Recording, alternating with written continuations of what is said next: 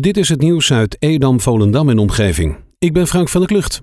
Morgen ligt de veerpont van Landsmeer naar het Schouw stil vanwege het uitvoeren van een spoedoperatie aan de aandrijfkabel. De werkzaamheden komen op een zeer ongunstig moment. Wegens werkzaamheden aan de ringweg A10 Noord is Landsmeer namelijk ook niet te bereiken via de Eidoornlaan. De jaarlijkse fotowedstrijd van de gemeente Edam-Volendam gaat weer van start. Voor de nieuwe gemeentegids en de gemeentelijke website is men op zoek naar foto's uit de samenleving en de omgeving van de gemeente. De eerste drie prijswinnende foto's komen op de omslag van de gemeentegids te staan en winnen een leuke prijs. Voor de binnenzijde van de gemeentegids wordt ook een aantal foto's uitgezocht.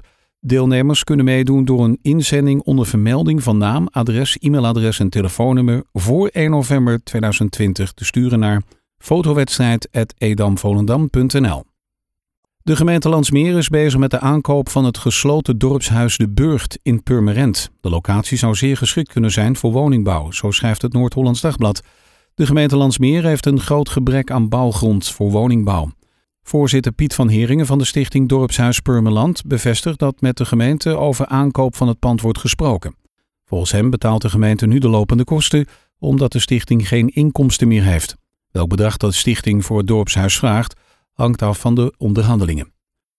Tamar uit Mark is zaterdagmiddag in besloten kring begraven. Op het eiland werd het zaterdagmiddag nogmaals stil vanwege het overlijden van Tamar.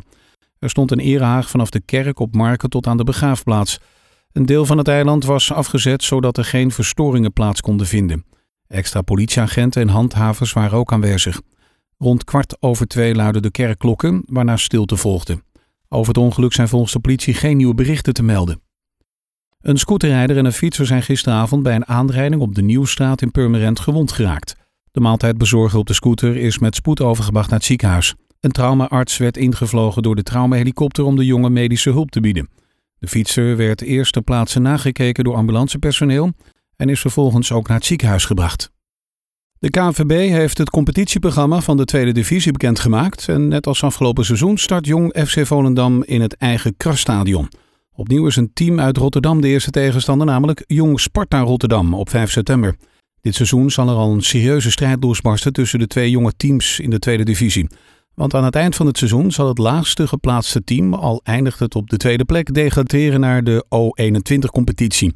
De kampioen van die competitie zal volgend seizoen juist de omgekeerde weg bewandelen.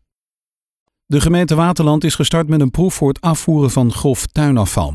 Sinds kort kunnen inwoners hun grof tuinafval kwijt op het terrein van sloop- en grondwerkbedrijf C. Lodder BV aan de Gouw 14 in Zuiderwoude. Sinds de sluiting van de Milieustraat in Monnikendam moeten inwoners van Waterland gebruik maken van de Milieustraat in Purmerend.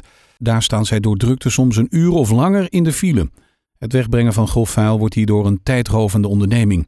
Door inwoners de mogelijkheid te bieden eens per maand grof tuinafval in te leveren in Zuiderwoude, hoopt de gemeente hen een hoop tijd en ergernis te besparen. Handballer Sander Visser gaat Kras Volendam na de zomer verlaten. De 21-jarige rechterhoekspeler maakt de overstap naar HSG Noordhorn-Lingen, die op het hoogste niveau in Duitsland acteert. De in Eemnes geboren handballer kwam in 2018 van ENO naar Kras Volendam. Daar maakte hij indruk in de Benelux en groeide uit tot international van Oranje. Met Kras Volendam legde Visser in 2019 beslag op de NHV-beker en bereikte datzelfde jaar de best of three om het landskampioenschap. De verbouwing van het grote huis in de Dorpstraat in Landsmeer tot acht appartementen is door de Rijksdienst voor Cultureel Erfgoed goedgekeurd. Het eerste plan van ontwikkelaar Real Estate maakte een te grote inbreuk op de monumentale waarde van de statige villa. Dat meldt Daan Lavies van de Rijksdienst in zijn advies. Het huidige plan ziet hij als een verbetering. De koopappartementen zijn bestemd voor senioren en starters. Inwoners van Landsmeer krijgen voorrang bij de toewijzing. Tot zover het nieuws uit Edam, Volendam en omgeving. Meer lokaal nieuws vindt u op de Love Kabelkrant, onze website of in de app.